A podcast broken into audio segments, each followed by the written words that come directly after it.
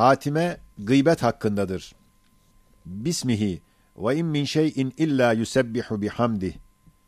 25. sözün birinci şulesinin, birinci şuağının, beşinci noktasının makamı zem ve zecrin misallerinden olan bir tek ayetin mucizane altı tarzda gıybetten tenfir etmesi, Kur'an'ın nazarında gıybet ne kadar şeni bir şey olduğunu tamamıyla gösterdiğinden, başka beyana ihtiyaç bırakmamış.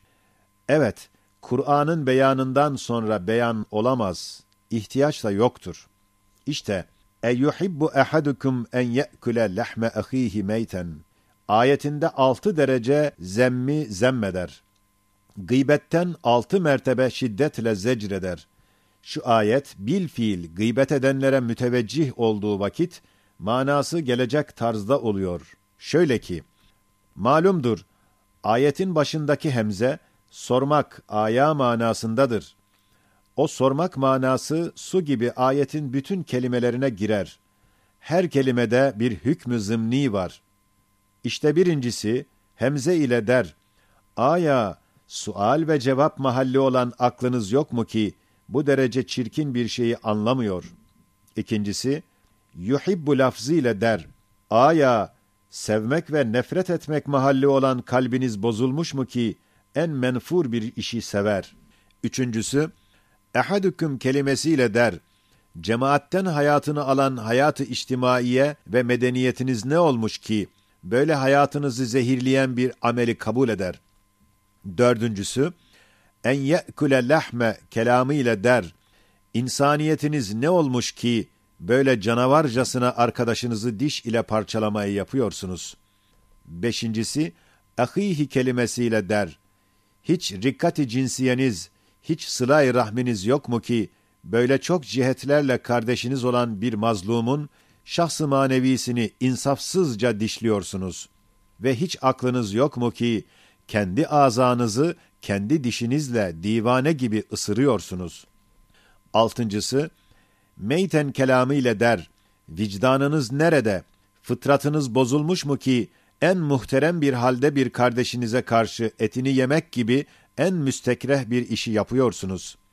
Demek şu ayetin ifadesiyle ve kelimelerin ayrı ayrı delaletiyle, zem ve gıybet, aklen ve kalben ve insaniyeten ve vicdanen ve fıtraten ve milliyeten mezmumdur.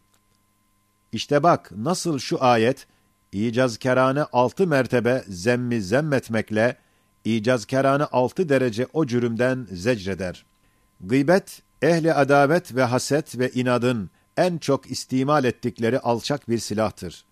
İzzet-i nefis sahibi, bu pis silaha tenezzül edip istimal etmez. Nasıl meşhur bir zat demiş, ukebbiru nefsi an cezain bi gıybetin feküllü irtiyabin cehdü men la lehu cehdün. Yani düşmanıma gıybetle ceza vermekten nefsimi yüksek tutuyorum ve tenezzül etmiyorum. Çünkü gıybet zayıf ve zelil ve aşağıların silahıdır. Gıybet odur ki gıybet edilen adam hazır olsa idi ve işitse idi kerahet edip darılacaktı. Eğer doğru dese zaten gıybettir. Eğer yalan dese hem gıybet hem iftiradır. İki katlı çirkin bir günahtır. Gıybet mahsus birkaç maddede caiz olabilir. Birisi, şekva suretinde bir vazifedar adama der, ta yardım edip o münkeri, o kabahati ondan izale etsin ve hakkını ondan alsın. Birisi de, bir adam onunla teşriki mesai etmek ister, senin ile meşveret eder, sen de sırf maslahat için garazsız olarak meşveretin hakkını eda etmek için desen, onun ile teşriki mesai etme, çünkü zarar göreceksin. Birisi de maksadı tahkir ve teşhir değil, belki maksadı tarif ve tanıttırmak için dese, o topal ve serseri adam filan yere gitti. Birisi de, o gıybet edilen adam fasık-ı mütecahirdir. Yani fenalıktan sıkılmıyor.'' belki işlediği seyyiatla iftihar ediyor, zulmü ile telezzüz ediyor, sıkılmayarak aşikare bir surette işliyor. İşte bu mahsus maddelerde garazsız ve sırf hak ve maslahat için gıybet caiz olabilir. Yoksa gıybet nasıl ateş odunu yer bitirir, gıybet dahi amali salihayı yer bitirir. Eğer gıybet etti veyahut isteyerek dinledi, o vakit Allahum mağfir lena ve limen irtebnahu demeli, sonra gıybet edilen adama ne vakit rast gelse beni helal et demeli. El-Baki huvel-Baki Said Nursi